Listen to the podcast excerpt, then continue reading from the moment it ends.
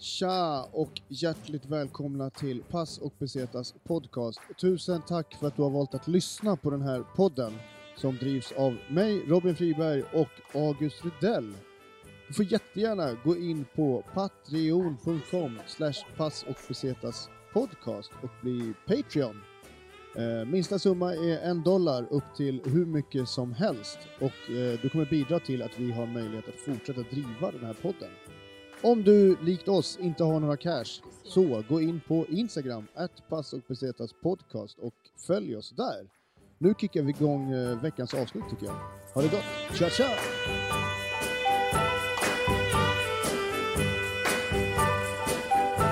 Pass Besetas podcast.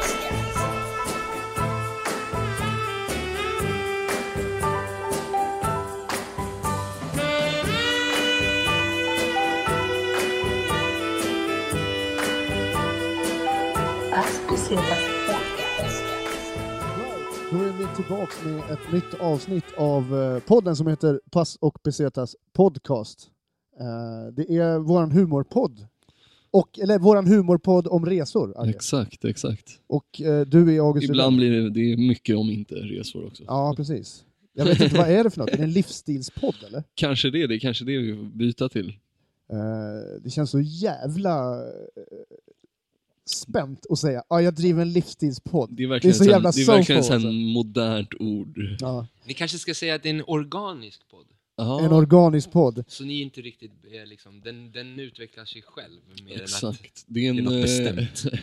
Och det är rösten som, en vi hörde ett där, mycelium, eller vad man säger, som eh, svampsporer. Det bara kan bli vad som helst. Ja. Exakt.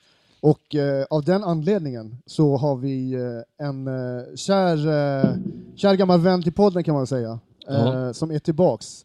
Eh, Thomas Gunnarsson, a.k.a. Okej Okej. Tja! Tja! Tja! Kul att man får vara tillbaka. Jävligt kul att ha dig tillbaks. Kul att ni har kommit hem till min karantän. Ja. Casa de Okej Okej. Det här är ju typ det enda, qu- quarantine. det enda så här, underhållningen vi kan hålla på med nu för tiden. Eh, relativt eh, riskfritt, eller man ska säga. Ja. Så vi, vi får köra på med podden helt Ja, enkelt. men det är bra. Folk har ju blivit jävligt kreativa. Ändå, mitt i det här, känner jag. Ja, Händer jävla mycket grejer. man ser fotbollsspelare stå hemma och kicka med toarullar bland annat. Och den här jävla CD-skivan, att man ska sparka in Fifa i eh, apparat, i Playstation. Jag såg någon idag som ch- chippade in den med golfklubba. Helt otroligt. Ja. Eh, Thomas, presentera dig själv. Ja, eh, det blev så jävla långt förra gången. Men Thomas heter jag, jag ehm, skapar saker på olika sätt. Räcker det? Ja, Absolut, Absolut. absolut. absolut. Jag tycker det att det, långt som förr. det är liksom, eh, det är väl bra sagt. Det är väl det folk gör. Apropå kreativitet och det vi, alltså, den situationen som är i världen just nu. Alltså folk blir ju kreativa, hittar på nya sätt att uttrycka sig. Mm. Eh, har eh, ditt skapande påverkats av, av situationen som är just nu? Det har blivit mycket, har det blivit. Det är så mycket tid. Så det har blivit många timmar, vilket har lett till många teckningar. Och eh, för tre dagar sedan började jag teckna kroki på Youtube. Det finns, eller Vimeo är det nu, för Youtube tillåter inte nakenheten längre.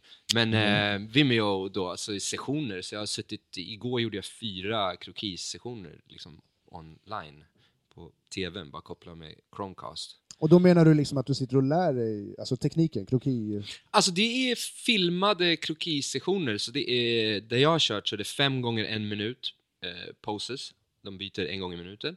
Och sen är det fyra gånger två och sen är det en gånger fem.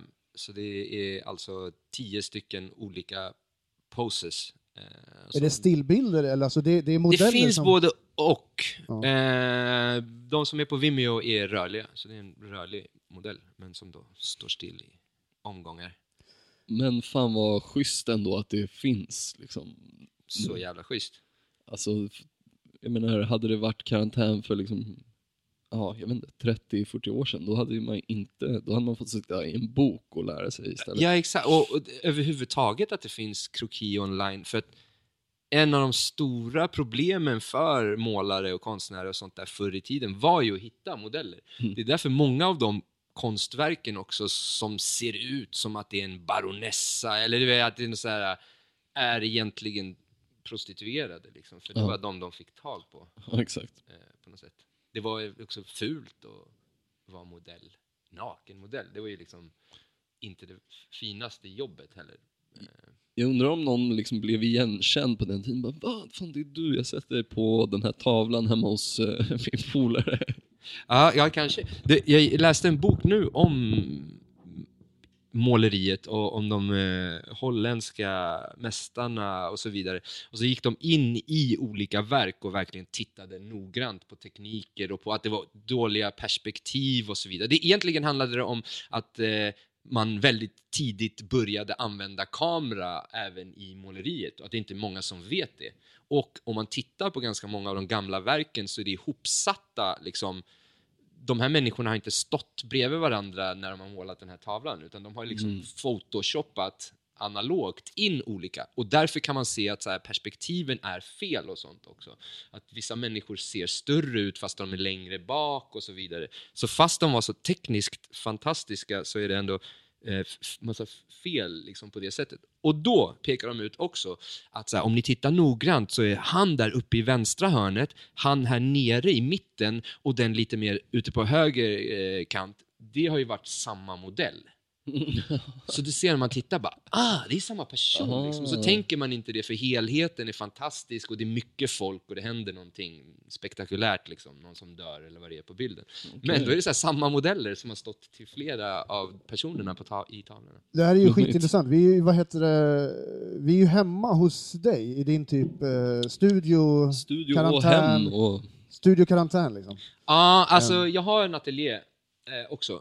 Men eh, där målar jag mest stora grejer på duk och så vidare och sånt. Och nu har jag ett litet uppehåll i det. Eller jag har kommit på en idé som jag ska eh, ta tag i. Men den idén kräver väldigt mycket färg och väldigt mycket duk. Så jag håller just nu på egentligen och samlar ihop så att jag har det. Mycket som jag har målat senaste tiden har varit så här, okej, vilka färger har jag? Och så får jag bara ta det som finns. Jag kanske vill ha en orange, men så får det bli någon ljusröd. Och det blir lite så här, ah, man, man vill ha de färgerna man vill att det ska vara. Rätt nyligen, om man följer dig på, på sociala medier, at artby okej okej, stämmer det? Ja, Ja. Då, eh, du är eh, aktiv på din Insta-story. Eh, så var du ute, ja. eh, när vi sitter och spelar in det, så eh, några dagar innan så eh, var, hade du varit i Snösätra, så hade du plockat upp så här slattar. ja. Och det är också, hur, var det någon folk i Snösätra? För de som inte vet det, Snösätra så finns det ett stort eh, industriområde med lagliga väggar, Mm. kort sagt. Ja, det var ganska mycket folk. Och det var till och med så att... Eh, vad fan heter hon nu då? Som var ihop med Orup? Sofia heter hon va? Mm. Sofie det är något sånt här Brock. program. Ja, Sofie Aha. Brock! Exakt! Hon har något program som heter Sofias änglar. Så Ah. det var någon kiddo där eller någonting som skulle få måla graph med någon eller någonting. Så de var där och sen kanske det var typ 15 andra som målade. Men där är ju stort också, så det är inte så att Men apropå vilka färger varandra. du hade, det var liksom, för där tog du upp slatt och tog det som du hade, som du Ja, ja. hittade och så bara liksom... Ja, och alltså det är jättelite kvar i de här jävla slattburkarna så att man Men, men triggas du av sådana grejer? Av utmaningen att det inte finns resurser och sen skapa någonting? Fan vad ledande fråga. Men jag upplever att det kan vara så. Ja, ja men konst. det stämmer. Det har du lagt märke till. Alltså jag, till exempel så, jag klipper film och sånt. Och jag klipper fortfarande film i iMovie. Det var det första som jag lärde mig. Och det är ju väldigt limiterat i vad man kan göra. Men jag tror att just de limit att, att det är de, man kan inte göra så mycket. Det är det som har gjort att stilen i mina filmer, först och främst då Tags and Throws-filmerna som jag har gjort, är så, ser ut som de gör. Och Tags and Froze är en YouTube-kanal som du driver där man kan se mycket av dina, dina Mm. filmer som du har gjort. Apropå resa, ja. Det har Ja. jag rest mycket för just den grejen.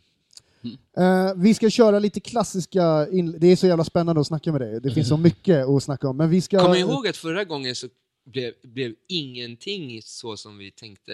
Nej. Eller hur? Vi sa så här, nu ska vi inleda, vi, vi skulle göra det här ju, och sen gick det 45 minuter så hade vi inte kommit förbi det första av dem här. Men det är Jag det som är så härligt med det, allt blir så Precis. organiskt. Allt, det, allt du vidrör blir organiskt. Liksom. Men vi ska köra det klassiska segmentet snabba, korta, eller hur Agge? Ja, precis. Men med Eh, lite eh, nyare frågor. En update. Så vi börjar väl med eh, att fråga rullväska eller ryggsäck när du reser? Och det ska vara bara ett snabbt svar, eller vad ska jag veta? Nej, du kan gå in lite på det om du vill. Spontant. Alltså, eh, ryggsäck är min grej. Men det beror ju mest på resmålen. Alltså, för att jag har rest till sådana ställen där jag vill åka runt mycket på plats. Men jag skulle ändå säga, alltså åker jag till New York och ska vara i New York i sex veckor, då vill jag nog ha en rullväska hellre. Men det är oftast eh, liksom, om man ska röra sig på plats dit man åker, om man ska ta sig från en stad till en annan eller en strand till en annan eller så vidare, då vill man ju ha en ryggsäck. Topp tre saker som absolut inte får glömmas i Okej Okejs ryggsäck. Kamera. Man ska inte säga pass och sånt, för det är väl Ja, det, det måste man ju ha. Liksom. exakt, utan andra saker. Okej, men då skulle jag säga mm, kamera, någon form av ritutrustning och alltså Måste man säga tre? Det räcker inte. Nej, det räcker med Det det. räcker med två. Något att rita med och en kamera alltså? Ja, Något att dokumentera liksom. med och Då något har du du vill plats skapa för med att köpa någonting på, när du är där också. Kanske någon souvenir eller någonting. Souvenirer är ju inte riktigt eh, min grej. Eller Alltså inte prylar ens, är inte alltså, min grej. någon, det kan ju vara liksom typ en t-shirt du har köpt. Ja, Som bara, fan den här köpte jag då. Alltså det räknas väl också som någon tofflor typ av... ska man kanske ha. Eller det beror på var man åker. Ja, men tofflor säger jag. All right. Nice. Vad är det för tofflor? Alltså jag brukar köra såna slappa vanliga... Birk, Birken, vad heter de? Birkenstock? De är ju De är jävligt sköna. classic och bra, Ja. men eh, jag, jag tänker såna vanliga badtofflor eller vad det heter. Nice. Eh, vi har en ny fråga, Agge, som Ja, du den har är, sjösatt. är, vi är lite inte eh, riktigt kanske utformat än, men vi testar Scenario typ, ja precis. pass eller pesetas är frågan, men då är det så här. Antingen får du typ, alltså, du blir ekonomiskt oberoende, du behöver inte jobba en dag till i ditt liv, men du får aldrig lämna Sverige igen. Eller bara leva liksom, alltså typ mer eller mindre utan cash, men du får ha kvar ditt pass, du kan åka vart du vill. Uff. Ja, den svår. Alltså... Jag skulle nog välja pengarna. ja, nej, men, alltså så, fan, jag fattar det också. Jag, Men liksom, en av de svåraste grejerna som konstnär, det är ju att få det att gå ihop ekonomiskt. Och det som stoppar en från att bara måla hela tiden eh, är ju att shit, nu måste jag få in pengar till det här. Det är så här skull, och konsten är det största i mitt liv och jag vill liksom eh, göra mest. Och det krävs också jävligt mycket tid Mm. att nå någonstans. Det krävs många timmar. Och skulle man då ha den möjligheten att det är klart från och med nu så kan jag koncentrera mig på att bara måla utan att ha någon eh, worry om pengar så tror jag att det skulle gynna mitt slutmål. Fatta vilka sjuka projekt man skulle kunna utföra också med den budgeten. Också. Ja, ja men det beror på det om det finns en budget dessutom. Äh, vadå? Ekonom... Nej, jag menar bara så här, alltså, ekonomiskt oberoende. Det betyder väl att man liksom mer eller mindre har... Men det är ju omöjligt som konstnär. Ja, Eller liksom ekonomiskt, du kan ju göra, får du en miljard kan du göra ett konstverk med en miljard säkert. Mm. Så det på något sätt. Men jag har en, en, eh, en skattkista som aldrig tar slut. Den ja väljer jag. typ.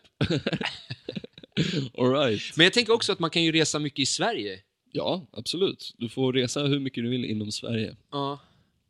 Vintrarna är mitt problem, men det får man väl hantera. Har du haft eh, några utställningar eller vernissage utanför typ Stockholm? Eller Eh. utanför Sverige? Ja, alltså jag har ju inte haft en enda utställning i Stockholm på ett riktigt galleri. Allt, ja, här har jag ställt ut mest här, men alltihopa är saker som jag typ styrt upp själv genom kontakter. Det är kaféer och det är restauranger och det är hotell och det är såna prylar. Vad driver dig till att vilja köra vernissage då? Alltså så här, visa upp grejerna vet, folk... nu vet jag inte längre, nu är jag nästan trött på det. Nu är det så här, alltså jag vill, igen, det, det skulle vara fett också med den här skattkistan med pengar. Jag skulle inte behöva ha Instagram och promota och bara köp min tavla eller titta på mina grejer. Då tror jag jag skulle alltså, stänga in mig och måla och sen så får folk se vad som hänt om 20 år. Mm. Alltså det bästa av det. Och vilket är jävligt tvärtom mot hur jag gör nu. Nu får du ju se varenda skiss jag gör. Jag lägger ju upp 20 grejer per dag. Eh, vilket är kul på ett annat... Ah, jag vet inte. Men jag tror egentligen så vore det skönast att bara försvinna helt totalt och bara inte visa upp något förrän man vet att det har blivit... Alltså, oftast tar det ju ett par år att se om någonting är bra eller inte. I nyhet när det precis har blivit till, då så wow, fan vad fet den är. Det tycker jag om nästan det mesta eh, har jag gjort. Men sen så efter två månader så bara, oh, den där teckningen kanske inte var så fet som jag trodde. Och så river jag sönder den och så vidare och så vidare. Eh, men jag lägger ju upp allting i nuet. Så även de sakerna som jag om två månader kanske tycker Åh, det där var inte så jävla fett, eh, de har redan kommit upp på något sätt.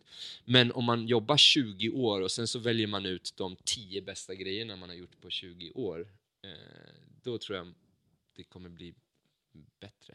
Eller liksom, man kommer se mer. Påminner ju ganska mycket om hur folk jobbar med stand-up, eller i alla fall hur du jobbar med ditt material, Agge. Känns det Eh, som. ja, nej men alltså det är väl lite så, alltså, så här. Man vill ju egentligen, alltså allt är ju inte bra liksom. Så är det ju. Verkligen. Man måste ju fan, man vill ju vä- kunna välja och vraka och känna sig liksom nöjd med det innan. Men det är inte riktigt så stand-up funkar heller. Man måste ju börja från noll mer eller mindre och sen bygga ut allt eftersom. Det ja nej men jag, ja. Ja, men nu är det ju verkligen så att mycket, en stor anledning, alltså okej, det finns flera anledningar till varför jag uppdaterar mycket och lägger upp stories och sånt. Men en anledning är ju att det ger kunder. Mm. Eh, speciellt tatuering. Eh, då måste jag mata på, det måste komma nya skisser, det måste komma nya förslag på vad man kan göra så att folk säger wow, okej, den där, jag kanske, någon som kanske gillar fåglar som jag har gjort, men de vill ha en katt. Hur länge, har du, hur länge har du gaddat då? Alltså, Nu är det snart ett år eh, som jag har gjort det eh, på någon form av relativt seriös nivå. Men jag har blivit lärling precis nu för två månader sedan, så går in i tredje månaden här. Fast vilken nu, studio är du lärling på? eh, Bobs nya, heter, Bobs nya ställe heter telefonplan, eh, som en kille som heter Bob Horrors har. Eh, vilket asfett. Jag fick reda på bland annat att jag de första eh, nio månaderna som jag tatuerade så har jag haft maskinen åt fel håll. Wow, vilken, eh, Det var ju bra vilken insikt! Ja, Ja, det var en det, nice är, det, är, det är en bra lärdom. Alltså, nu när jag man har vänt tatuera. på den så ser jag ju nålen. Ah, okej. Det är ganska bra. Jag slipper man chansa. Jag tänkte så här, vi Men ska... gillar du det? Alltså, tycker du att det är kul att tatuera? Det är skitkul. Eller, okej. Det är skitkul att göra skisserna. Det är kul att ha en inkomstkälla som är liksom lite mer stabil än att försöka sälja dyra, stora canvas. Eh, att sitta och tatuera är inte den roligaste grejen. Det är liksom att det är inget kreativt i det, Nej. för att jag bara ritar något som jag redan har ritat. Sen att det är med en annan teknik än vad jag gjorde tidigare.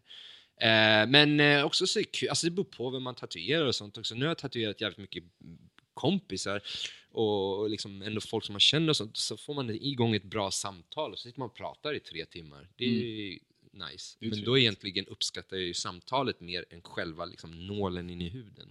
det är mest, egentligen just nu är det mest frustrerande. Jag får till ganska bra grejer, men det är... Jag vill bli jätteduktig. Mm. Och det är jag definitivt inte. Så då är det ju bara så "Ugh, fuck och sånt.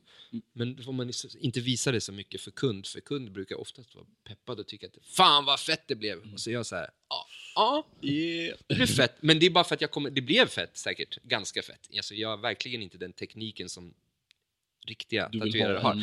Men eh, det blir, jag har ganska roliga motiv och jag kämpar på och jag fixar till tills det typ blir bra liksom.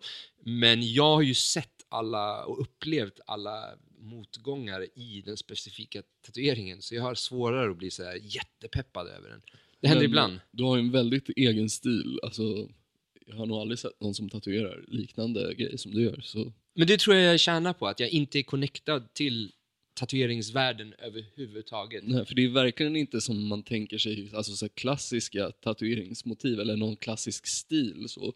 Det är väldigt eh, egen. Nej men jag har inte sett så mycket tatueringar, det är det som är grejen. Det är därför jag inte kan...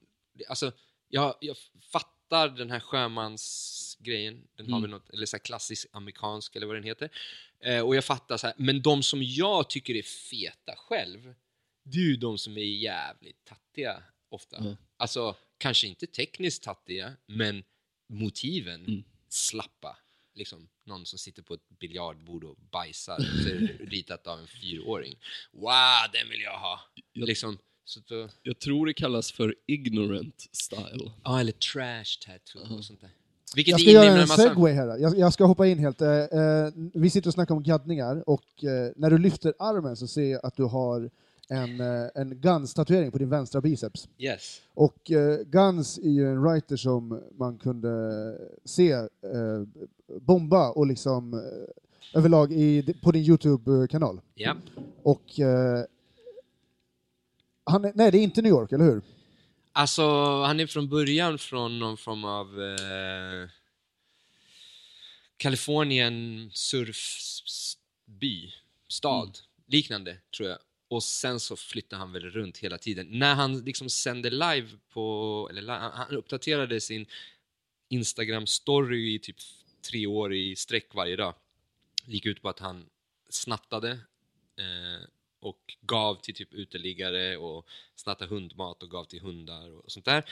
Mycket juice. Och bomba. Det var mycket, mycket, Mycket juice. snatta Hela tiden mycket juice, och gav till hemlösa. Ja, precis. Som riktigt Robin Hood alltså. Ja, exakt. Och sen så bara bomba. Bomba, bomba, bomba och gå in på Ikea och dra tags på tavlor där och säga till folk gå och köp den tavlan. Och så här. Alltså jävligt... Eh, Kreativt sätt att använda Instagram på. Mycket! Alltså att fortfarande vara så jävla real och hård och samtidigt... Eh. Vi var inne på Guns och eh, Instagram och vi var inne på din eh, Youtube-kanal. Eh, jag tänkte att vi skulle göra en segway eh, från Youtube, för du har eh, vad betyder segway? Alltså jag vet ju färdmedlet. Ja, Alltså det, det jag tror, jag, Övergång. Jag har trott att det var, ja precis, övergång. Men det stavas typ S-E-G-U-E, lite såhär franskt, segway, Okej. tror jag. Ja, ja. Om jag inte miss. ja precis. Eh, och sån gör vi just nu. Mm, precis. Ja, men jag tror att det är som den här segway som man kan glida på, som folk glider på runt färdmedlet. Jag tror att det är rent metaforiskt så säger man att man tar en segway över till ett annat ämne, man liksom sveper över ungefär som man åker på en segway. Okej. Det är inga steg, det är Nej, en exakt. smidig En övergång. smooth transition. Och jag tänker liksom, du har ju träffat en, en, en writer som, hette, som skrev Sexor, Z-E-X-O-R, från Brooklyn. Yeah. Och eh, på, ja, på Tags and Froze helt enkelt. Mm. Eh, och eh, med, med, alltså för det, det projektet så har du ju rest jävligt mycket. Mm. Och den här, jag vet inte, vi, vi, varken jag eller Agge kände till Sexor innan Nej. du la upp en sån här uh, Rest in Peace-grej om honom. Mm. Och sen så eh, hade du filmat jättemycket med honom. Mm. Eh, vem var Sexor? Liksom? Varför åkte du dit och hur ser, vad var bakgrunden till att du skapade filmen? Jag var i New York eh, för att eh, ställa ut eh, eh, på eh, s- svensk butik som fanns där.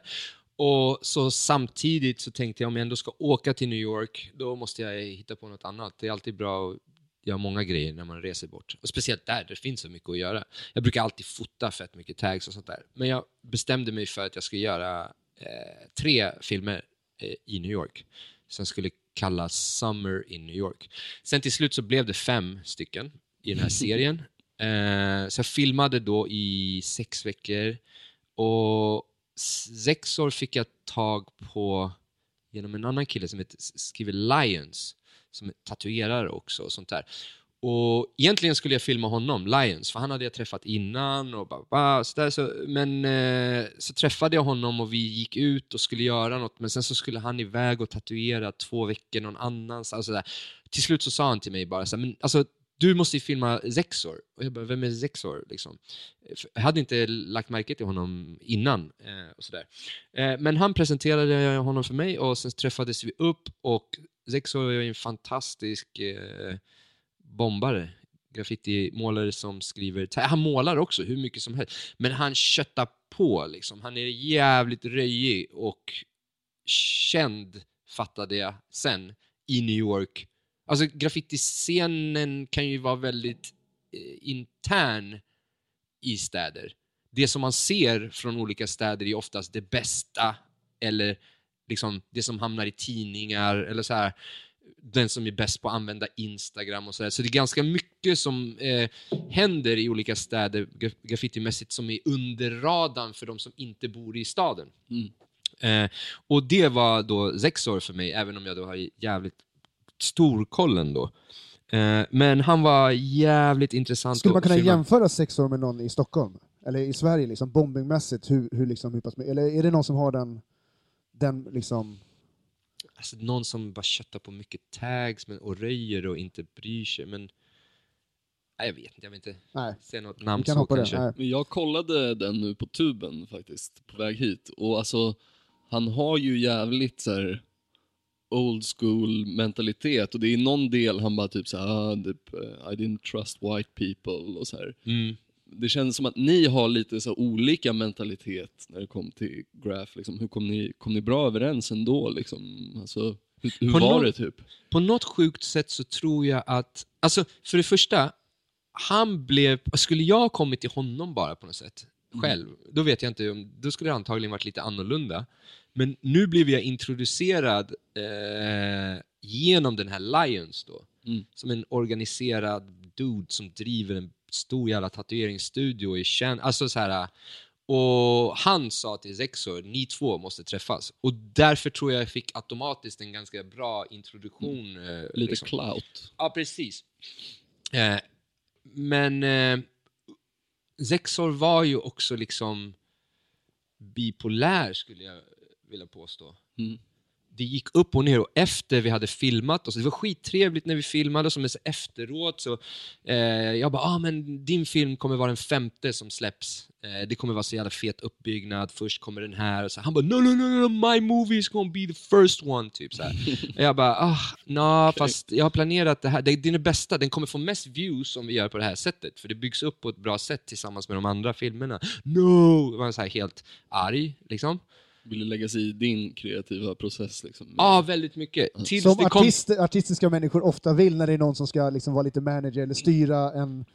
Liksom, eh, Ja, ja, alltså, har jag en, liksom, förstår annan, grejen liksom, också, men det är också så här att det var inte, ehm, det, min förklaring till alltihopa räckte inte heller. Nej, du vet. okej. Så det blev så här. Och sen så gick det så långt så att han till slut bara “You're a racist” typ och så här. Jag bara “Ah men fan alltså, vad händer nu?” typ.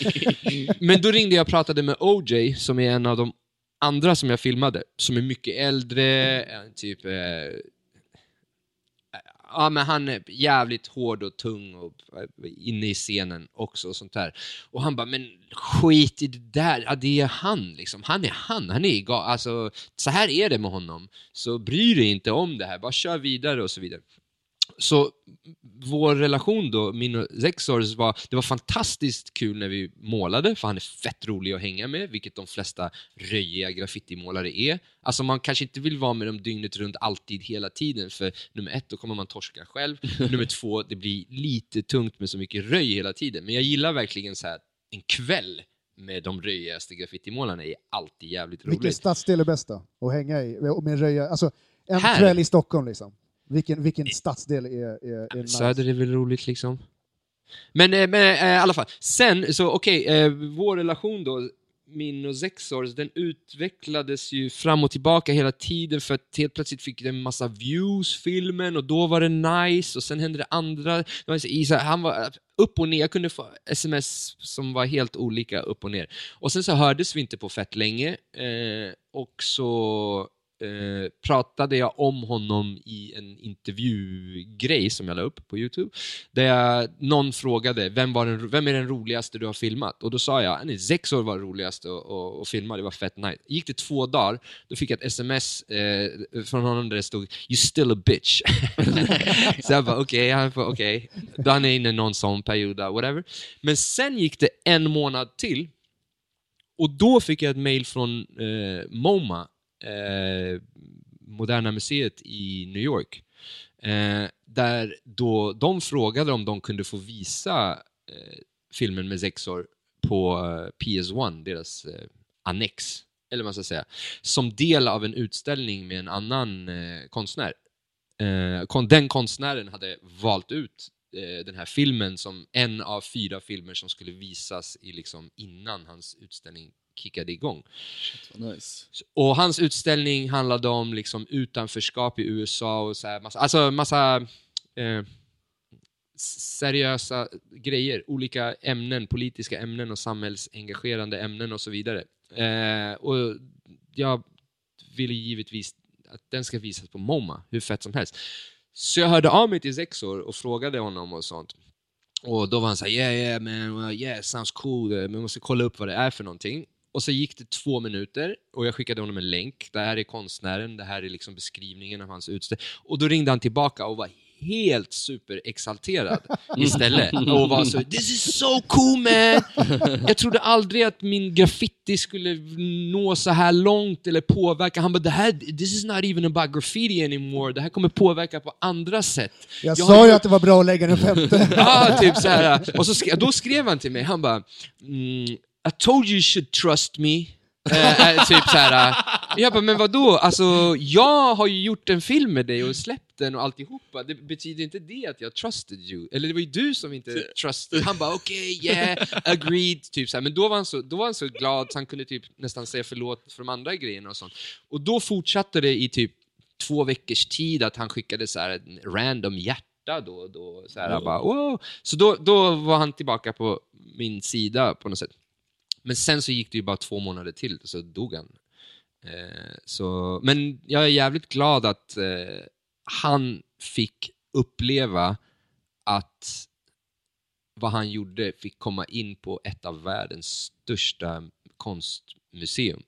Det hade varit fett jobbigt om det hände en månad efter. Typ. Alltså Ja. det hade varit fett också, men det, att han fick uppleva det innan han gick bort var, var jävligt fett. Fan vad fint. Hur nice Mm. som helst ju. Grym, eh, grym story alltså. Ja, Mm. verkligen.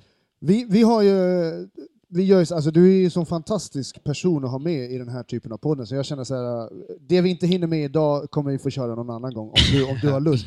Men du ska få välja, för du har gett oss lite, lite platser i alla fall, och sen får du säga eh, vilka du spontant vill höra om. Eller du kan få säga vilken du helst vill höra om också. Ja men eh, vad- vi snackade lite innan vi började spela in om Houston, som du hade lite färskt i minnet. Ja, ska glida in precis. på det när vi ändå är i... Varför Precis, inte? när vi ändå är i staterna. Jag, för, Houston alltså.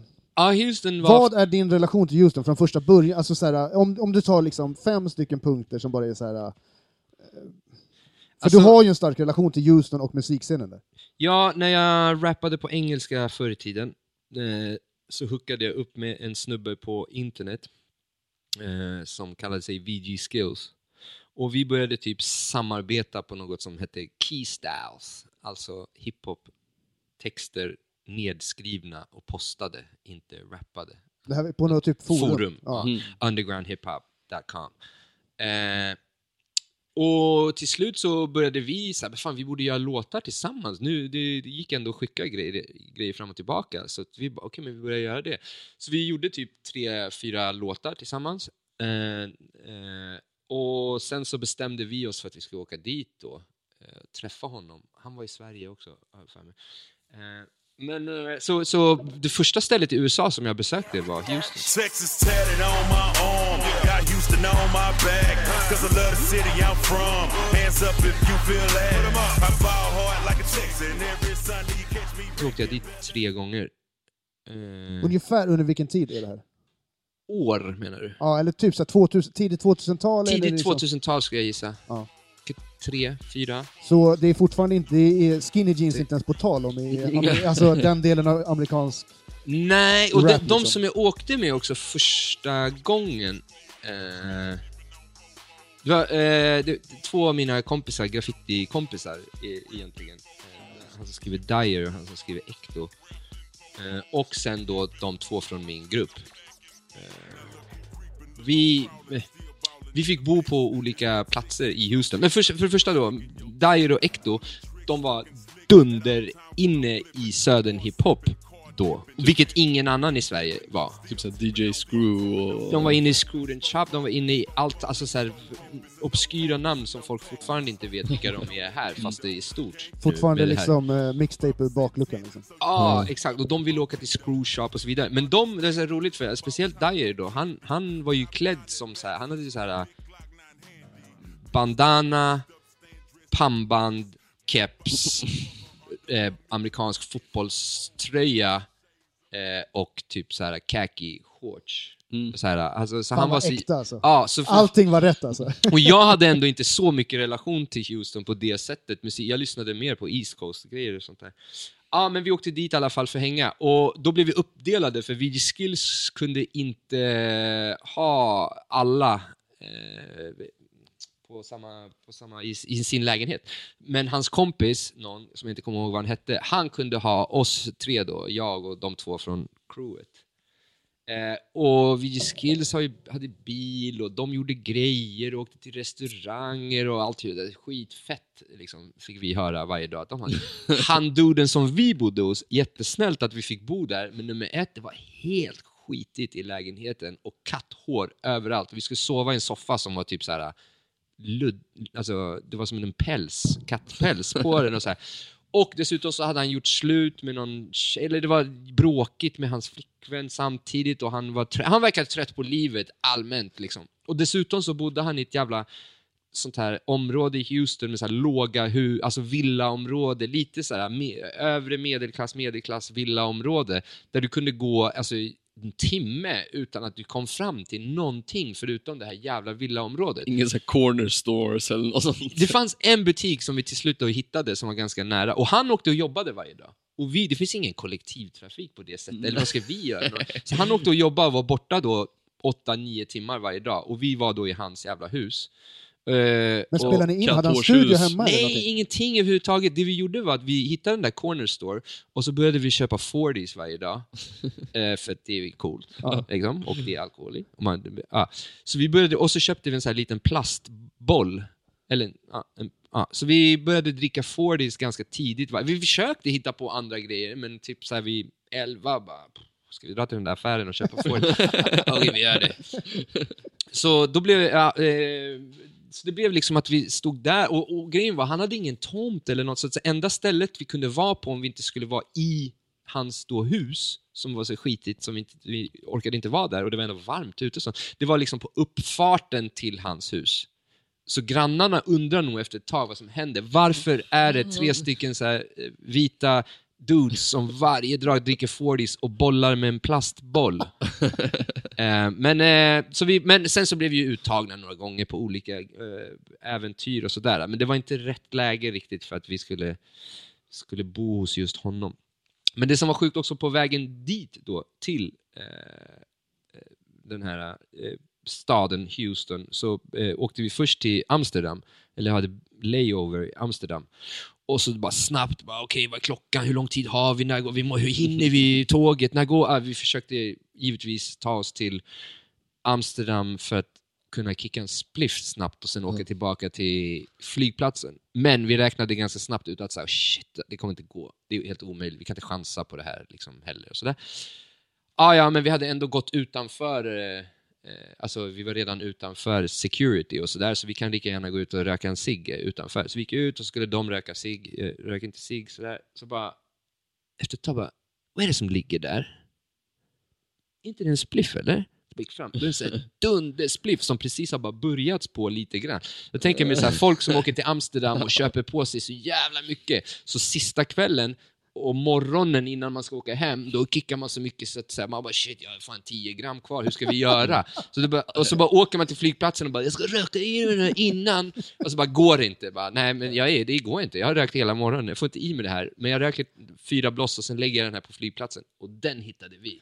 Bam. Så vi bara yeah! Och då var det ingen corona heller, så vi bara yeah! Elda lite på filtret.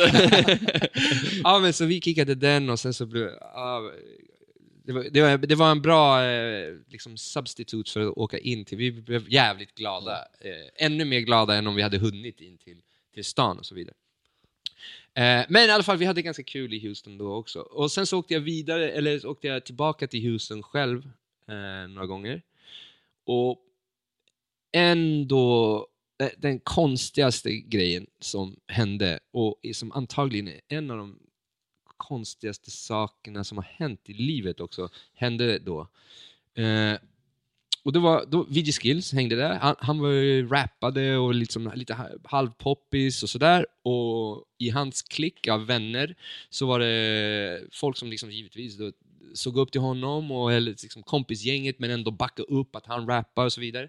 Så var en av dem i kompisgänget som drog till Las Vegas, spelade på enarmade banditer och drog hem två miljoner dollar, eller vad det var. Alltså, han, kunde han gjorde direkt slut med sin tjej som han hade då, eh, och eh, byggde ett stort hus, eller köpte en stor villa, hade 200 par Nikes helt plötsligt. Och det här hade precis typ skett när jag kom. Alltså det här var så Ah. två månader in i det. På något sätt. Köpte en ny bil och alltihopa. Så helt plötsligt så kunde de bala ut den tillsammans eh, hårt. Han är rapparen, han är dude med pengar, de har värsta bilen, allt är, all- allt är fresh liksom. Eh, och då kom jag dit.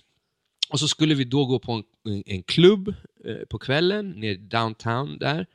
Ehm, Slaggade du hemma hos han VJ Skills? Ja, precis. Jag såg hemma hos honom. Eh, och då skulle vi hämta upp eh, en, en tredje kompis på vägen. Vi skulle hämta upp Lil Mike. Så jag bara, okej, Lil Mike ska vi hämta. Så jag sitter i baksätet där, vi åker i hans jävla flashiga bil med så här tinted windows och så här, eh, rims och alltihopa. Ehm, och så kommer vi in i så här området, så här, okej, nu har vi åkt in i hooden. Uh, vi hopp, hoppar, eh, stannar bilen och så hoppar Lil Mike in. Så här, liten mexikan med så här, tatueringar i hela ansiktet med så här, biffig och så här, pondus. Med, med, alltså han ser helt jävla gangster ut. och han blir helt fascinerad av mig.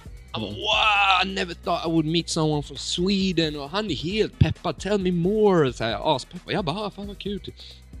Så åker vi då till den här jävla klubben vi glider fram och jag ser så här, wow vilken kö, det är så här 40-50 meter kö med så här jätteuppklädda tjejer och, och massa hiphop dudes.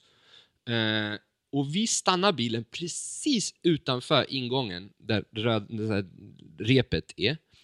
Eh, och han vevar ner eh, rutorna bara pyttelite och sticker ut en 20-sedel så här, som någon bara greppar där utanför. Och så blästar vi på musik så här, dunderhögt och så tittar jag ut. Då är det så här, tre crackheads som så här, polerar hans eh, rims utanför klubben. Lite halvskrytigt amerikanskt. Eh, så jag bara sitter och okej. ja.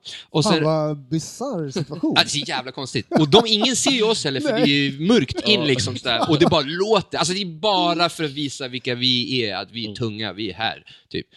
Eh, och då är den här jävla långa kön, och sen så bara okej, okay, beep, beep, öppna upp, och så när de är klara och, och, och, och tvättat hans rims, liksom, då tar vi oss ut, och så på fem sekunder är vi redan inne i, på klubben. Och jag kollar upp och bara kollar runt och bara fan är vi? Vi det står typ så här mitten av hela lokalen så här. Och så märker jag så här, shit, vad fuck, det kommer prylar. Då kommer en soffa, det kommer två fåtöljer, de lägger ut en matta, och så kommer spriten alltihopa och sen en sån här eh, red, eh, vad heter det, Röd rött rep. Ja, okej. Så de bygger upp vippen runt oss när vi kommer in. Ah, Vi behöver inte ens gå till något speciellt ställe. Jag bara, "Ha, okej. Och så sitter jag då i den där soffan mest den där kvällen och det kommer in sprit, jag dricker jag blir väl jävligt packad liksom och sådär. Och sen så ska vi åka därifrån och han är ju aspackad, han då rich guy, eller han som har vunnit de här pengarna och har värsta bilen. Så han åker ju 160 och sånt där och jag sitter där bak och som tur är full typ, så man bryr sig lite mindre men ändå bara "Åh, vad fan händer? Han kan, det, här, det är på så här sätt som folk dör på. Ja men vi åker, åker, åker och det första vi ska göra är ju lä- lämna av Leo Mike. Eh, liksom. Så vi åker in till den här hooden och det och så får han ett telefonsamtal, Leo Mike. Han svarar och bara okej. Och så säger han till eh, han som kör, han pengakillen. Vi, vi ska inte åka hem till mig, vi måste till ett annat ställe. Eh, åk här och här och här. Så han börjar ge honom instruktioner till hur, vart han ska åka istället. Typ. Eh, han bara, vad, vad händer? Så, här, Nej men kör bara, kör bara. Så här. Och sen så kommer vi in på, på, på en gata, ska svänga höger på en gata, in på en gata. Så han bara, stäng av ljuset på bilen och bara glid in, bara rulla in här på den här gatan. Och vi bara, okej vad händer? Och det är sådana här låga hus liksom. Och så glider vi in och det är mörkt på den här gatan, inte speciellt mycket lampor där heller. Men under en av lamporna där så är så buskar och grejer, så ser jag tre stycken dudes, tre stycken svarta dudes som kommer ut från den här buskan eller står där vid kanten. Eh, som allihopa, en är med bar överkropp, de andra två har så här hoodie och så. Eh, och han med bar överkropp, det bara sticker upp buntar med pengar runt hela midjan och han står och håller i pengar i, överallt. Och de andra har så här, eh, hoodies med liksom ficka där fram som, det, bara, det, det är bara pengar överallt och det tappas ner typ pengar på marken. Alltså det är ett kaos med pengar. Jag bara, fan händer nu? Och då är Mike där ute och pratar med dem, bara, lalalala, snabbt så här, och intensivt och sånt. Och så kommer han tillbaka i bilen och sätter sig och, och, och, och de sätter sig i en van som är precis framför de, de här tre dudesen som kom ut från buskarna med pengarna. Eh, och de sätter sig i den och Lil Mike är så här, eh, follow them, typ så här. Och så vi börjar köra efter den bilen och så frågar han igen den här killen, han bara Mike, vad händer? Du måste säga vad som händer. Vi kan inte, vad, du vet, vi måste i alla fall få veta vad som händer. Vi kör, men vad händer? Och då är han typ någon gangsterbosslik, eller han är den som bestämmer i, i gänget där i alla fall. Eh, och hans då Young Boys, de har rånat ett eh, kasino. Och på vägen ut från kasinot så har det blivit knas. Så de har skjutit en kines som ligger i bakluckan, eller i, i, på, i den här vanen. Och vi ska åka och eh, dumpa liket. Så jag bara, ah, okej, det här är mindre soft. Gonna Eh, drop me off guys. Ja, men i alla fall så vi åker och jag ser ju framför mig i huvudet hur jag ska stå typ och så här med en spade och bara gräva typ i skogen någonstans. Och så här. Men till slut vi kommer fram, vi åker bakom några hus och så är det en liten skogsdunge där och så kör de in bilen där och sätter typ ett så här, eller så här pressändningar över det och alltihopa och sen så får vi dra, drar vi därifrån. Shit alltså, fy fan. Men jag har i alla fall varit nästan med och och dumpat en kropp i Houston. Det du har är, sett när några andra dumpar en kropp. Ja, jävligt sjukt. Och det där Jävlar, tänkte jag alltså. efteråt också. Skulle polisen ha kommit där, det skulle inte varit soft. Du, De skulle, det skulle inte spela någon roll vem jag Nej. var, Nej. tror jag. Jävlar, Fuck, wow. alltså. Och, grej en, alltså. och då, samma resa också, hände en annan jävligt sjuk grej. Vi var i Houston, men jag åkte också- också till Austin. Eh, jag har en kompis eh, där, DJ Chicken George, en stor DJ från, från eh, Austin. Så jag bodde hemma hos honom också eh, i några dagar. Eh, och så då första kvällen när jag kom dit, eh, så skulle han skulle lägga scratch på, på en låt. Eh, så han, vi han satte på instrumentalen och han höll på att scratcha och det lät asfett och jag bara fan vad nice. Men så till slut så bara stängde han av allt och bara hallå, om du har åkt hela, väg, eh, hela vägen från Sverige till Austin för att få scratch så borde du inte få scratch av mig. Du borde få scratch av den som är bäst på att scratcha i Austin typ. Jag bara, ah, asfett. Alltså jag vill jättegärna ha dig också, men vadå, vem är det? Typ. Han bara, nej, det är min kompis, jag ringer honom nu direkt och frågar. Så han ringde honom och han var aspeppad. Ja, jag är down, kan jag komma förbi nu så kan vi prata liksom så här. Så han kom förbi eh, och vi bestämde att okej, imorgon på dagen, jag gör ingenting, så vi, om du kan så kan jag spela in då. Eh, du får komma över till mig, vi kanske kan käka frukost tillsammans och så bara kör vi. Så jag bara, ah, men det låter asbra, vi gör det. Och sen han, "Uh, by the way, do you smoke? Jag bara, jo absolut. Så där. Han bara, alltså jag har inte så mycket, jag har verkligen inte så mycket, men jag tänker du kan få lite bara så du kan ha, ha, ha för ikväll i alla fall. Jag bara, ah, okej, ja absolut. Jag ger fram en påse med så här 20 gram weed typ. Jag bara, okej. Och inte så här någon bush eller någonting, också så här potent stuff. Jag bara, om någon, han röker nog mycket då, tänker jag, om han tycker att det här var lite för ikväll. For today. Du får, du får mer imorgon. Ja, Okej. Ja, eh, så eh, han kommer hämta mig dagen efter och bara, ah, vi åker till IHOP, International House of Pancakes. Kickar en spliff i bilen först, så van, eller vad heter det? Eh, pickup truck.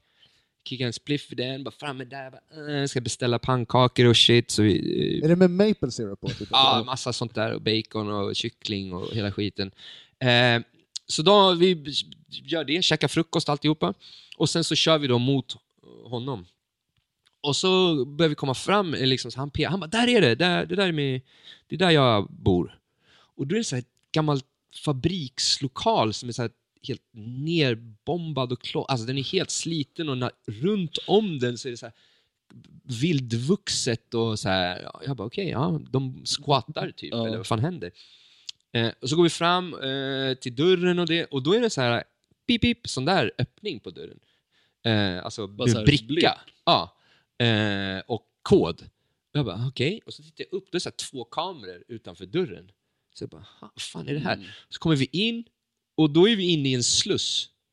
Så den dörren bakom oss måste stängas för att den dörren framför oss ska kunna öppnas.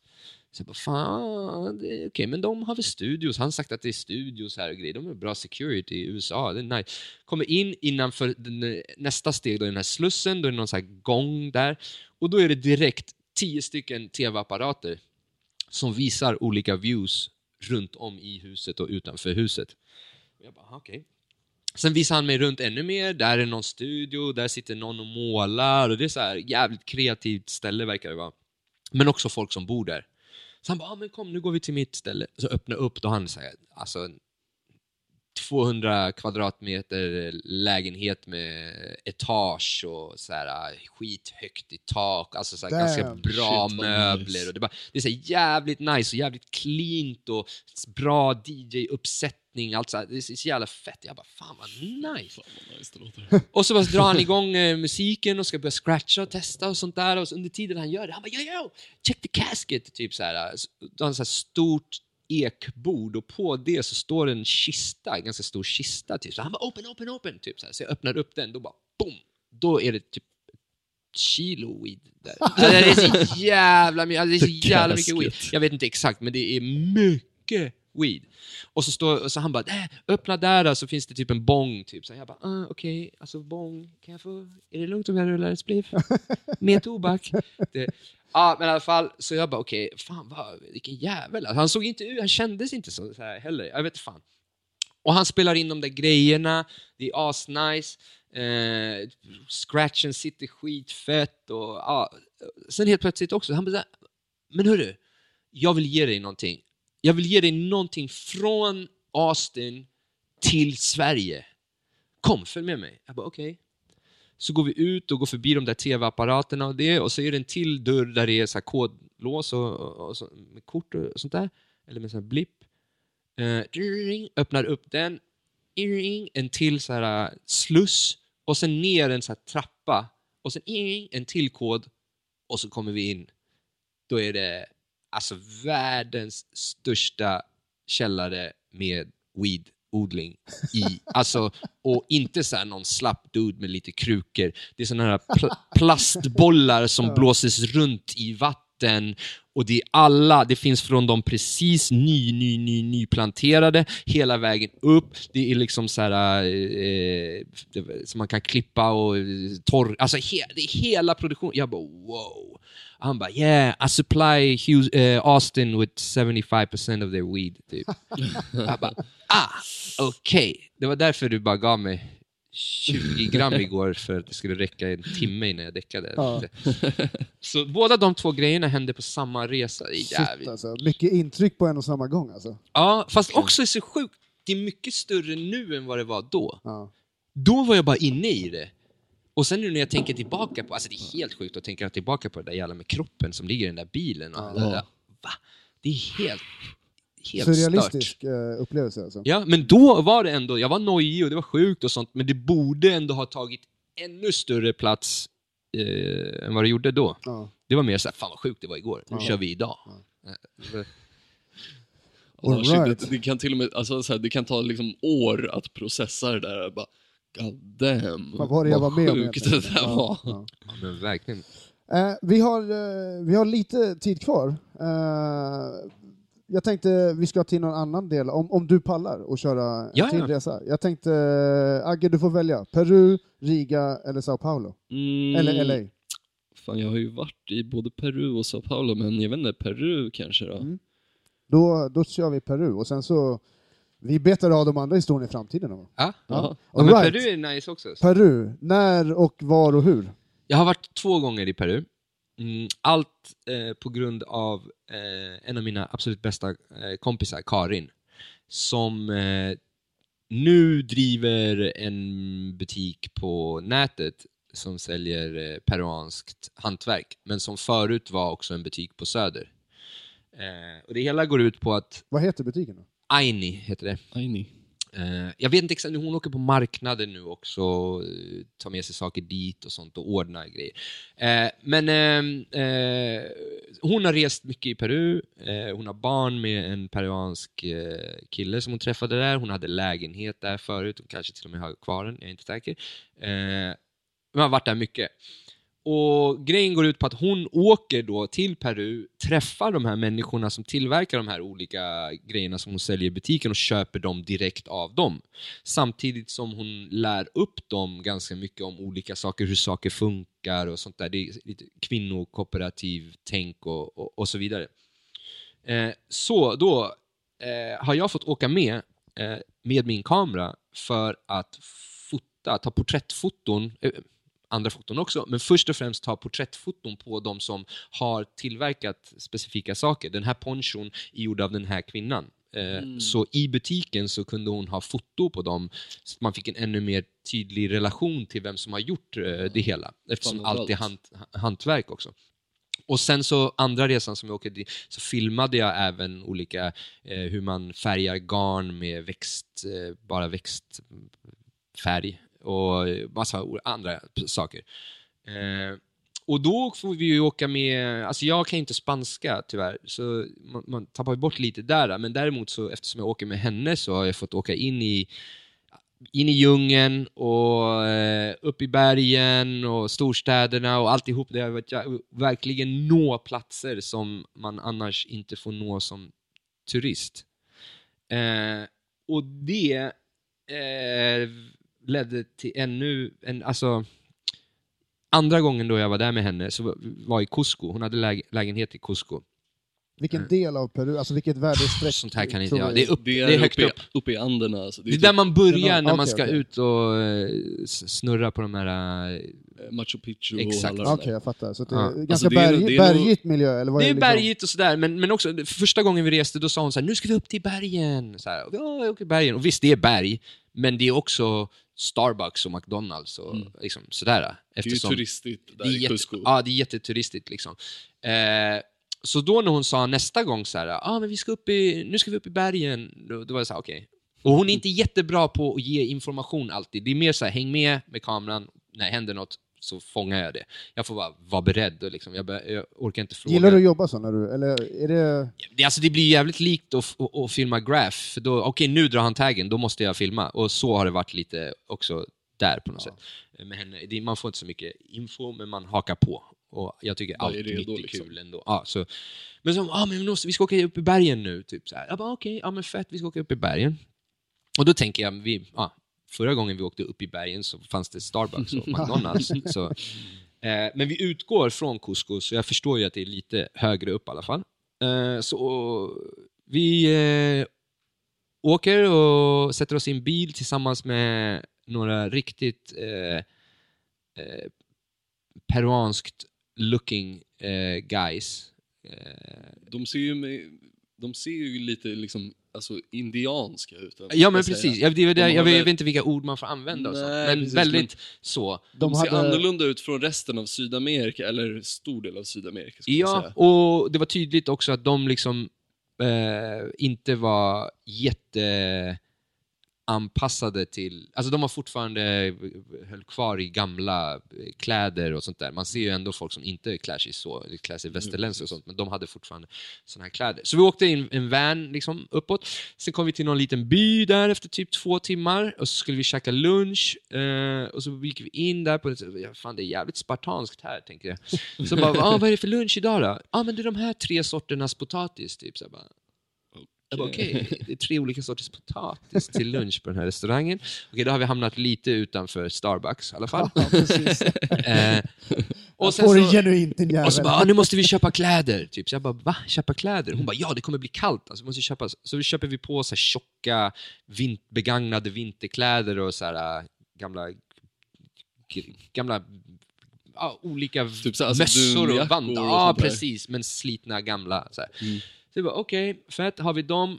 Och sen så åker vi vidare. Just det, då byter vi bil också, så då är vi, tar vi en vanlig liten, liten bil. Eh, och så börjar vi åka uppåt.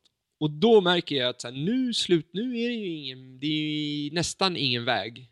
Eh, och- Och det är definitivt inga, det är inga hus, det är inga människor, det är ingenting. Och efter, efter typ tre timmar av ingen, ingenting, alltså vi ser lamor typ, eller alpackadjur, så här, och inget, inget annat. Så ser jag en sån här glaciär eh, högre upp och jag bara wow, fan vad coolt, jag har aldrig sett en glaciär så där, fan vad nice. Fyra timmar senare, då är vi mitt i den glaciären och jag står och puttar på den här bilen i så här snö och så här, äh, det är skit. Jag bara, vad fan händer? Och dessutom så, han som kör oss, eh, det är en sliten bil, alltså och vägen, är- ibland är vägen borta, vi får åka ut vidare typ för att hitta en väg lite sen längre bort på något sätt. Eh, men, och han, han har då en, resan tar sammanlagt, sammanlagt åtta eller nio timmar och han har en CD-skiva med fyra peruanska låtar som går på repeat. Det är helt otroligt och ingen annan reagerar. Det tycker jag också är helt sjukt att det är ingen som uppfattar att det här Var det börjar flöjt bli eller var det gitarrbaserat? För det var typ liksom- gitarr, gitarr mest har jag för mig. Eller- Ja. Men alltså, det var en grej. Och sen så hade han, eh, funkade inte fläktsystemet heller, så ju högre upp vi kom så blev det liksom så immigt på rutorna eftersom det var kallt ute och vi var varma i bilen. Så då fick vi ta ner eh, rutorna när vi kom till snön. Vilket också är så oh, okej, det känns fel.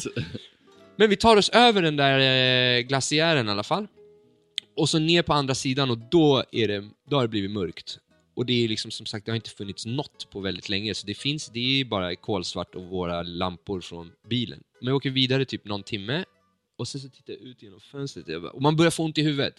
Fett ont i huvudet, för att det är högt upp nu. Lite syre kvar, dålig liksom. luft. Ja, det, det, Tunn luft. det är skit, alltså det är så här, varje, varje lilla ansträngning gör att det bara ilar i hela skallen. Men jag tittar ut genom fönstret och så bara, fan, såg jag några barn där? Bara, Det är jävligt likt det här som vi pratade om i Houston, jag tittar ut genom där. Ja. Nästan samma sak. Jag tittar ut och jag bara, fan det var några barn där. Så jag bara, Karin, det var barn där, eller? Hon bara, jag tror vi börjar närma oss här. Så tittar jag ut igen och bara, fan det är barn som så här springer längs bilen. Typ. Så vi kommer fram och tittar ut och det är så här snöblask när vi kommer ut och alla står ju och tittar och bara eh, vilka är de här? Och, men det är så här snö på, på marken med lera typ och sånt. Men barnen är barfota i en liten så här äh, virkad kjol. Typ så här, någon smuts, och alla är så här smutsiga också, alltså i ansiktet smutsigt verkligen. Så här. Jag bara okej, det här var lite mer berg, tänkte jag. Eh, och sen så, men vi går in då, vi får komma in i något ett stenhus där, i, de serverar oss någon soppa som det flyter runt konstiga saker i. Eh, och vi får typ så här kåka eh, te för att vi ska inte få så ont i huvudet, eller det hjälper mot höjdsjuka och sådär. Så vi sitter och dricker det och sånt, och sen så är jag bara så alltså Karin, jag är helt slut. Liksom. Jag, jag måste nog, och det är helt kolsvart liksom. Jag bara, eh, kan, man inte sova? Eller vad så här. Och då är det bara så här rakt ner, det är lergolv och sen så har de lagt ut så här djurfällar och så får man något täcke, alltså sånt, en djurfäll på sig. Och så, Alpacka säkert. Ja, säkerligen då. Så jag somnar eh, ganska snabbt. Eh, och det är ju mysigt, liksom. en eld som brinner där och de som pratar. Det är ju så här jättemysigt att somna till. Och sen vaknar jag på morgonen av att det bara så blåser in snö i ansiktet. Åh fy fan. Blöt. Jag bara, Vad fan händer? Eh, och då visar det sig att det man gör där, direkt när solen går upp, första grejen man gör, det är att man catchar solnedgången genom att öppna dörren till huset. Nu är solen uppe, då öppnar man eh, liksom dörren till huset. För så det är bara så här, ljus typ. Ja, i- ja, kanske. Eller för att det är, liksom det, det, är det Friskt. man gör. Så det bara blåser in så här snö och det. Jag bara, eh, och, men jag tror det är, ja. Så, men, eh, så jag går upp och får sånt där te direkt och man bara, ah, fuck mitt huvud. Och sen går vi ut precis utanför det här stenhuset. Och då kommer de direkt dragande på, på en, eh, ett lamm som de bara har ihjäl och styckar där framför oss. För att det ska i fest, för att vi är där. Eh, så jag bara, fan vad fett och det. Sen jag har ju min kamera, det är därför jag är där. Och det är en liten, nu kan jag se mer vad det är. Liksom. Det är berg runt omkring och det är alpackor och det är liksom jävligt lite växtlighet. Eh, och så kanske 30-40 stenhus som man ser lite längre bort och så någon fors som går igenom alltihopa. Eh, så jag bara, fan vad fett, jag måste dra och fota typ så här.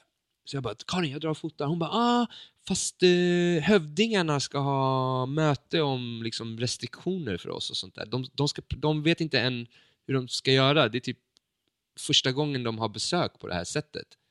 Så jag bara, okej, första gången. Så här. Hon bara, ah, alltså det här stället eh, blev connectat med resten av världen på 70-talet. Innan det så var det eh, ensam, Isolerat, isolerat. liksom. Liksom. Så jag bara, ah, okej, då börjar jag landa ännu mer så här, hur sjukt, var fan har jag hamnat? Ja. Eh, Men så jag får inte gå, så vi får stå där och jag tänker, ja, men de pratar väl igenom det. Så här. Men de har så här, möte de här, framför oss också i så här, två timmar. Och sen till slut så bara kommer de fram så här, okej, ni får gå omkring här, men ni måste alltid gå med honom. Och så är det så här, någon yngre grabb liksom. Och han guidar runt oss och vi får se skolan där och vi får se hur de liksom väver, hur tanterna väver på så här äh, jättegammalt sätt liksom utan någon vävmaskin. Eller liksom det, är, det är bara två pinnar i marken som de sätter upp och så kastar de en boll fram och tillbaka och så gör de så här helt sjuka äh, ponchos och sådana grejer. Eh, men vi är där tre dagar i alla fall, man har typ fett ont i huvudet hela tiden, man får käka lite av den där eh, lammet och sånt, men annars är det potatis, potatis, potatis, potatis. Det verkar vara det, det, som, det som gäller. De har många olika sorters potatis. Många olika faktiskt. sorter, men man måste också vara lite mer konnässör för att verkligen känna skillnaden eh, mellan de olika smakerna. Typ. Eh, men vi hade också, Karin hade köpt med sig typ så här, snick, eller det som man hade någonting annat. Som. Men då tredje kvällen eh, så får vi vara med om en, eh, vi får vara med på en ceremoni till bergsgudarna. Eh, Pachamama och Pacha... Ja, jag kommer inte ihåg vad den andra heter, det här är dåligt. Men eh, tyvärr, jag är dålig på sådana grejer. I alla fall, så vad vi ska göra är, vi har samlats då på kvällen där, de äldsta eh, från eh, byn, eh, Donja Maria som är där. Och också anledningen till varför vi fick komma till den här byn just, det är för att det finns en då eh, shaman som heter Donja Maria som är jättegammal och eh, som har börjat liksom turnera i Europa kan man säga. Åker till olika städer och då kommer det typ 20-30 pers och lyssnar på hennes föreläsningar och sånt där. Och så var hon i, i, i Stockholm och då skulle givetvis Karin, min kompis, gå. Eh, och så när hon var här så blev hon sjuk. Och hon hade inga försäkringar och såna här saker. Liksom. Så Karin i alla fall, hon såg till att ta henne till sjukhuset och jag vet inte om hon betalade för det i alla fall, men hon hjälpte alltihopa och sen när hon började, blev tillräckligt frisk för att inte vara på sjukhuset så fick hon och hennes son bo hemma hos Karin och Karin lagade mat till dem alltihopa. Så hon sa, nästa gång du åker till Peru, då ska du få se var jag kommer ifrån. Wow. Eh, så det var liksom anledningen till att det här är ingenting som går att fixa bara Ja, sådär, precis. att man åker till de här. Och jag hade så otrolig tur då att jag åkte med. Så Donja Maria är där då och ska leda den här eh, ceremonin. Och ceremonin går ut på att vi ska eh, göra en fest för då den manlige och kvinnlige bergsguden. Eh, så de lägger upp typ ett, en, en liten filt, eller vad man ska säga, eh, som delas upp i hennes och eh, hans rum. Eh, och så täcker man alltihopa med, täckte de alltihopa med kokablad. Och sen så var det kokablad överallt liksom. Eh, och vi kanske var 15 pers eller någonting. Och innan vi sätter igång ceremonin på riktigt så ska alla ta tre, man tar tre kokablad eh, och så sätter man dem så att de sitter i en speciell position. Och så tar man dem till munnen och så viskar man in sina, eh, sina goda in, eh, tankar eller eh, att man vill göra någon väl och så vidare som är där. Så vi ser om du var där så skulle jag viska in och säga jag hoppas att det går jättebra för podden. och Så liksom satt alla där och viskade in saker i de här löven. Och sen ger man dem till den då personen som man har lagt in den här spellen i, eller den här lyckönskningarna i. Och den tackar på ett speciellt sätt, exakt likadant. Och sen tar man dem och så tuggar man dem, eller liksom, så lägger man till det som man redan sitter och tuggar Wow. på. Och alla ska göra det till alla. Så det är 15 personer som ska göra det till 14 personer. Ja. Så det tar en jävla tid också. Ja. Liksom. Det, är, det är två timmar av det här innan vi sätter igång med själva ceremonin. Och då på den där filten då, där de har lagt ut alla de här kokabladen i perfekt, två perfekta fyrkanter, eh, där ska vi då kicka igång en fest för de här. Och vad behöver man om man ska ha fest? Man behöver sprit. De häller ut whisky lite grann på varje sida. Ting, ting, ting. Och man behöver tobak, som lägger lite tobak på var. Eh, De behöver musik, så det är någon som har typ så här Kinderäggstrumpet som de lägger dit. Och så här, ah, fyller den här grejen bara med massa nice saker. Och samtidigt också lyckönskningar, de där tre bladen, in till dem också. Att det bara fylls hela tiden på Fan nya scener. grej alltså. Och sen så packar de ihop den där, eh, eller Don Gian Maria packar ihop den där, och sen så får alla liksom ta i den och, och ge en lyckönskning till den, själva paketet också. Och sen så drar Don Maria ut och går upp i berget och lägger det till bergsgudarna. Liksom. Och det är sjukt, det här är på film också. Ah, och det här är fett. fan ingen som, det är ingenting som någon har sett, och sådär. men det är helt sjukt. För det, det här är, ett, det är ingenting som jag tror att man får liksom bara åka och göra. Du, Nej. kan inte, du kan inte beställa den här resan. Nej, nej. Jag hade bara otroligt jävla mycket tur som känner Karin och som då var så snäll mot Don Gian Maria. Det är ingen tourguide som står där i Cusco och bara här, åk till den här bilen. Nej, verkligen inte. Det var sjukt. Det, det är den absolut mest remote-platsen jag någonsin har hamnat på, tror jag. Fan wow ballt, alltså. alltså. Wow. Ja, det ja, var... alltså vänta, så att eh, 70-tal, alltså det är liksom 50 år sedan bara, alltså de Mm. blev connectade. Ja, det var det de sa i alla fall. Ja. Wow. wow.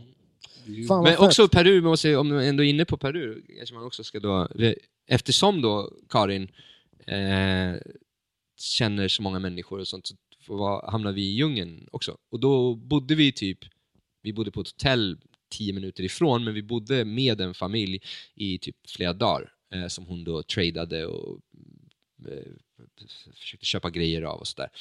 Och eh, de var också eh, shamaner. Eh, så vi eh, drack ayahuasca eh, där med dem. Eh, första gången jag drack. Nu har jag druckit ayahuasca fem gånger, men eh, den gången, första gången, med inte bara en shaman, utan tre shamaner.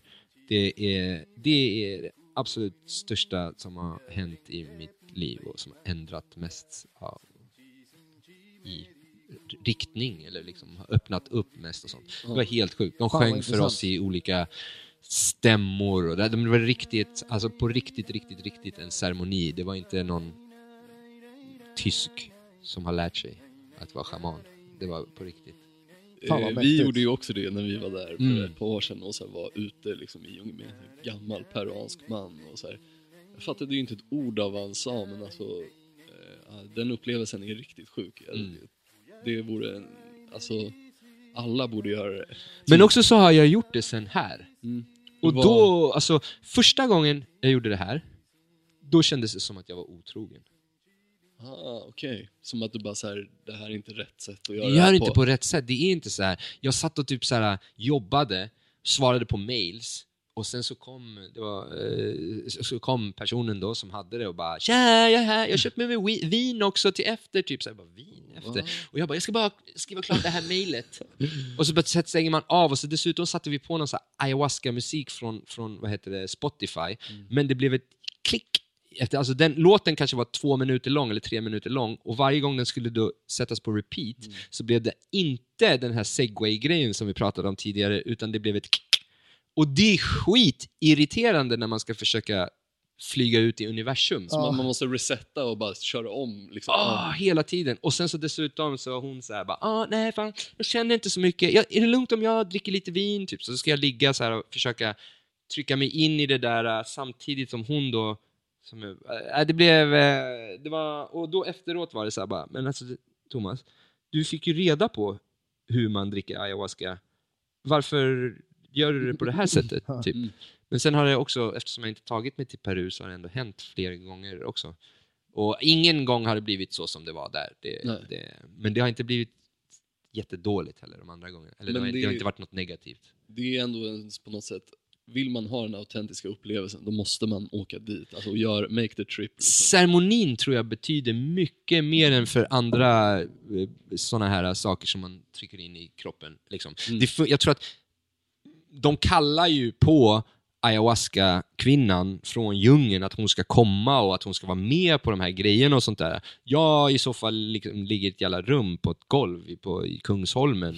Fan, hur ska, och, och innan ska man helst äta vegetariskt, eller man ska alltid helst äta vegetariskt, men i alla fall om man äter kött så ska man helst ha typ två, tre veckor vegetariskt innan. Man ska inte dricka alkohol i, det är, liksom, det är, så här mass, det är massa steg fram till det här och sen under ceremonin så är det massa steg också. Liksom, det går inte att nå dit själv som lekman och det här är ju liksom också kunskap som har slussats ner generation efter generation efter generation efter generation för att Ja, de ska ja. nå hit. Alltså, de har ju, alltså det har ju gjorts mycket research på så här, hur fan har de kommit fram till den här typen av brygd som jag vet, alltså den skiljer sig väl lite liksom från ställe till ställe där nere. Men att eh, Men det är väl två- de det- säger ja. att eh, växterna eh, berättade för dem. Mm. Och jag menar, jag tror på fan på det. Alltså, Ja. alltså så här, hur, fan, hur fan har det annars hänt? Liksom? För det finns så många olika kombinationer. Ja, det, är, det är riktigt eh, det är spännande. Och det är så sjukt intressant. att det bara existerar i naturen också. Ja. Något som kan göra så, alltså, så otroligt mycket för mig. Och de där, de har ju, eh, liksom de som vi var med, där i den då familjen, större familjen, eh, Eh, alltså massa olika familjer, men de satt ihop där i den där byn, i den byn. Då, eh, från 13 års ålder så får man ta det, eller liksom eh, innan det så säger de nej, men är man 13 så får man det, men de säger inte till dem att, utan det är bar, barnen då, eller ungdomarna, kommer sig själva och säger att nu, nu är jag redo. Och sen så, de flesta gör det liksom någon gång per år bara för att rensa ur alltihopa och ta det som medicin.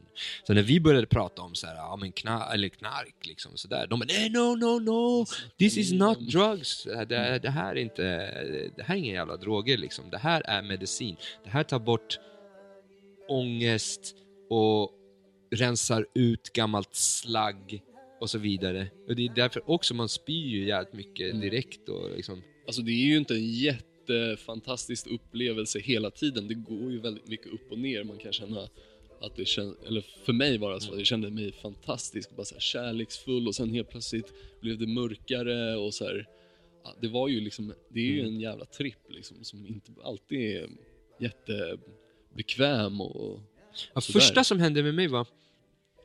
Ja, vi eh, var hos dem, vi käkade Eh, med familjen och alltihopa. Och sen så kickade de ut liksom alla barn först, de ska gå och lägga sig. Och sen så de som inte ska vara med fick gå efter ett tag och sådär. Och så började vi närma oss liksom, att det var dags. Och då var det som så, ah, men ska vi dricka då? Ja, så drack vi. Och så sa de, ja men om vi om typ 40 minuter, 45 minuter så, så kickar vi igång. Liksom så här. Och då satt vi där och vi kickade någon spliff och pratade med dem och alltihopa. Och sen så var de så här, okej men nu lägger ner.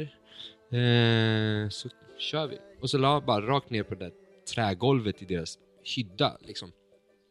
Eh, eller hu- hushydda. Eh, och direkt då också, man lägger sig ner och det är en helt var är jag någonstans? Och allt, det är bara det, bara det är liksom ganska mycket intryck. Och sen så bara höra alla ljud och sånt från djungeln och ma- det är ja, skit, skitfett redan innan det kickar, typ. ja, Eh, och så jag ligger där och det första jag börjar känna är, eh, för det första så, eh, de eh, tar fram något som djungeltobak, säger de efteråt, fick jag reda på. det ser ut som stora spliffar, eller hur? Ja, så då tar de det de röker och sen så ska eh, liksom blåsa ut det på mig för att gå ut. Alltså det känns som de blåser ut någonting från höften ner ju genom foten med rök. I don't know. Sen så eh, hade de fem stycken, inom situationstecken, parfymer från djungeln. Som vätskor som de tog i munnen och sen så liksom lät de det segla ner över mig i små, små, små droppar. Och så, här, och så bara landade det liksom fem olika lukter efter varandra. Det, så, det kan vara blomvatten eller så. Ja, exakt. Och, och då hade det börjat kicka lite liksom. Så, wow, de här lukterna var ju bara i sig och sen den där röken och... Sen började en sjunga på, jag tror det är quechua indianska, eller vad det heter. Eh, Och jag bara wow, det här är så fett. Man fattar inget ord, Nej. ingenting som du säger. Men det, Det låter ju bara att någon står och sjunger för en i djungeln när man ligger där också. Bara Mm. det, alltså det är redan, det är redan en stor liksom. upplevelse. Och jag bara wow, det här är så fett. Och man börjar komma, det är lite som om-grejen också när Mm. man mediterar, att man kan komma in i Man börjar djupare med vibrera med den där melodin. Precis. Och då så börjar det helt plötsligt två till eh, stämmor. Så de sjunger i tre stämmor. Det är tre schamaner som tillsammans kallar på ayahuasca-kvinnan i tre stämmor. Typ. Och det är så jävla fett bara det. Och sen så börjar liksom den första så här känslan, eller tydliga, det, det, det, det känns som att jag ligger på en strand och så nuddar typ så här eh, tå, tårna nuddas lite av eh, vatten, som en, så här, havet kommer och bara touchar lite, en, en liten våg så där. Och den går upp högre och högre i kroppen och blir starkare och starkare också. Det är ganska långsamt, men, men jag känner hur den liksom Byggs upp. Ja, det, by- det, är en, det, är en, det är en eh, våg inuti mig. Det är ha- havets liksom så här, som det är på en strand, fast inuti min kropp. Eh, och det blir starkare och starkare och starkare och starkare och till slut blir det liksom så här storm av det hela. och jag har ju eh, läst då, det är första gången jag tar ayahuasca och jag har hört lite och jag har läst lite och sånt. Så här, folk bajsar på sig, folk spyr. Så jag är lite sådär nojig i det där.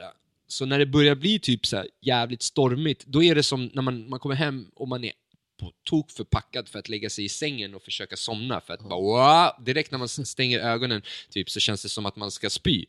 Eh, och så är det, fast inuti. Alltså jag har stängda ögon, men det är den. Jag måste typ så ducka illamåendet hela tiden om jag inte ska sp- spy. Så jag går in i någon form av ett superaktiv så här, roll i det här stormen då.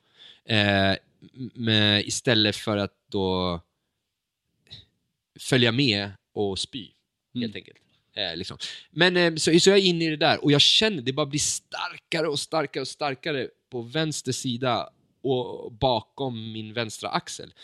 Där är det ett sug, alltså hela den här stormen, allt som händer på det här eh, havet som jag är i, det händer på grund av något som suger eh, ur svart vätska ur mig från över vänstra axeln. Så det bara sugs ut miljoner liter vatten, smutsigt svart vatten ur min kropp. Liksom.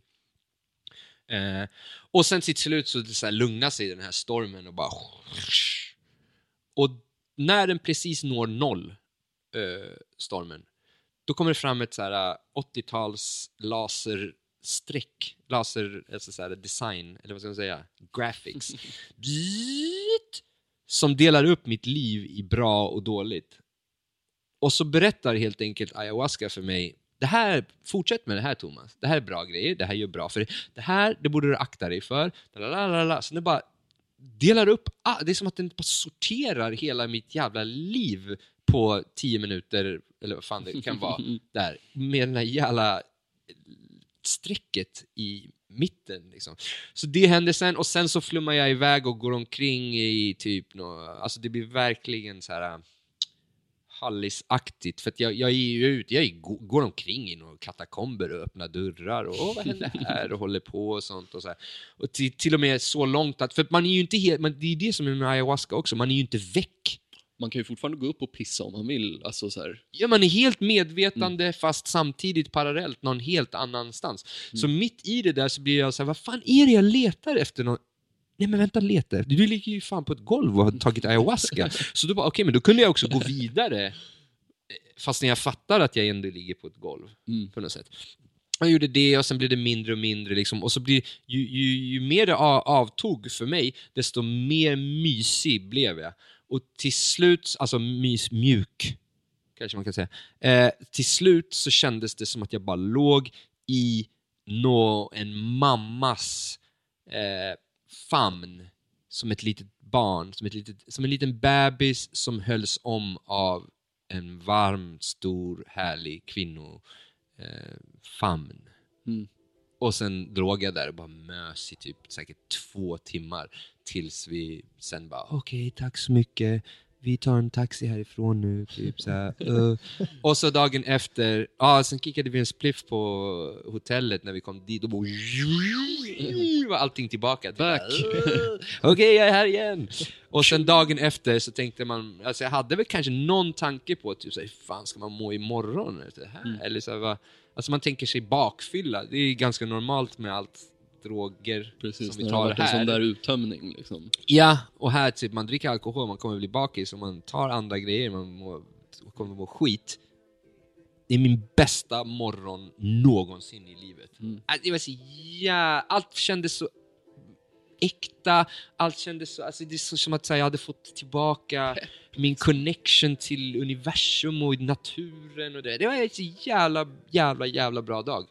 Eh, och sen så höll det i sig jävligt länge också, flera månader. Och jag tror, och, och, alltså vissa saker sitter ju i fortfarande, eller vissa saker var så här: nu har de här vägarna öppnats upp för Det är dig. permanent Eh, ja, det här, du, precis. Ja. Du har sett det här, alltså kan du inte inte se det. Nej. Eh, typ. Och det var där, jag är uppväxt så jävla mycket utan religion och sådana saker så eh, Alltså det var nästan som att mina föräldrar tyckte att religioner var eh, något man skrattade åt, eller så här.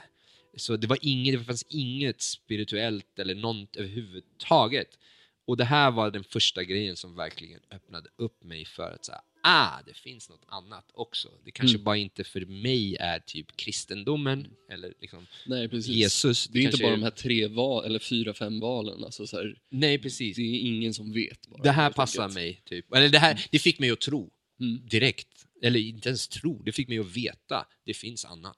Andra dimensioner åtminstone. Alltså, Mm. Ja, nej, alltså jag håller verkligen med. Vi, när vi hade kört våra sessions också, alltså jag har aldrig känt den känslan eh, som var bara så här, fan vad man bara, livet är nice, typ, Mm. och så här.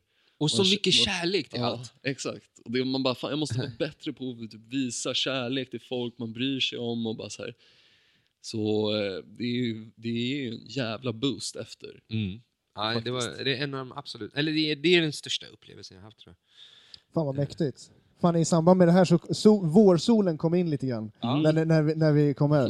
Och Jag tänkte vi ska ta... Det är ayahuasca som... Det, Exakt, moder kommer ayahuasca. att knacka på här. Men vad fan, vi ska ta och börja runda av tänkte jag. Men Yes. eh, vill du plugga... Eh, tack, tusen tack för att du var med igen i Passo Pesetas podcast. Ja, men tack för att ni Jävla vill trevligt. ha, Eh, mig här. Fantastisk eh, berättare. Det är så jävla kul att och, och få träffa dig och umgås med dig liksom, och höra om dina upplevelser. Ja, men fett. Ibland tror, känns det som att folk kanske tror att man är mytoman och hittar på historier. det är så sjukt. Men eh, ger man sig ut så händer det grejer. Det är Så så. är det. det är så. Det, det är också om man kan koppla eh, eh, till graph. Eh, graffare får jävligt ofta uppleva saker för att graffare ger sig ut. Du måste promenera. Ska du ha tags över hela stan så behöver du gå runt. Ja. Och går du runt så hamnar du på konstiga ställen. You're gonna see some shit. Exakt, och jag tror att det har påverkat också att, man, att jag växte upp så mycket med den graph-inställningen. Att jag ger, alltså, finns det en chans att hitta på någonting när man reser, då är riskkalkylen, visst, det är såklart man gör en liten riskkalkyl, men det väger jävligt tungt att säga, uff, det här kanske kan leda till en sjuk upplevelse Ja. 100 procent. på något sätt. Fett, fett. Ja. Vill du plugga för någonting? orden. Göra reklam för något? Ekonomin eh, lär ju vara åt helvete för eh, alla, eh, mig inkluderat, och ännu mer om man ska skaffa pengar genom tatuering och sälja konst. Men! Kolla på artbyokok på Instagram och kika om du hittar något motiv du kanske skulle vilja ha en tatuering av. Ops, jag är fortfarande lärling. Eller om du hittar en teckning, eller till och med en canvas som skulle passa i ditt hem. Fett. Jag fick så här reklamröst direkt. Mm. Definitivt. Det låter I slutet ska det vara sån här, bara för att de ska betala, de betalar för tiden, så blir det snabbare och snabbare i slutet ju. Mm. Ja, just det. Ja. Fan vad fett. Agge, In och du... köp konst. Eh, nej men eh, ja, nej jag har väl inte så jättemycket att plugga för. Alla gigs är inställda. Och, Ja. eh, in och supporta på Patreon, eh, Pass och Pesetas podcast Ja. på Instagram om ni inte har pengar. En stor shoutout till uh, Hussein Valai som står Yeah, bakom kameran. Alltså. Shit, uh, at Prince H. Walls på eh, Instagram. Uh, tung fotograf. Yes. Alright, uh, vi är på återseende. Ja, Ja, Tack som fan. tack Ha det bra. Thomas. Ha det Tack. bäst. Hej då. Bless. Pesetas Podcast.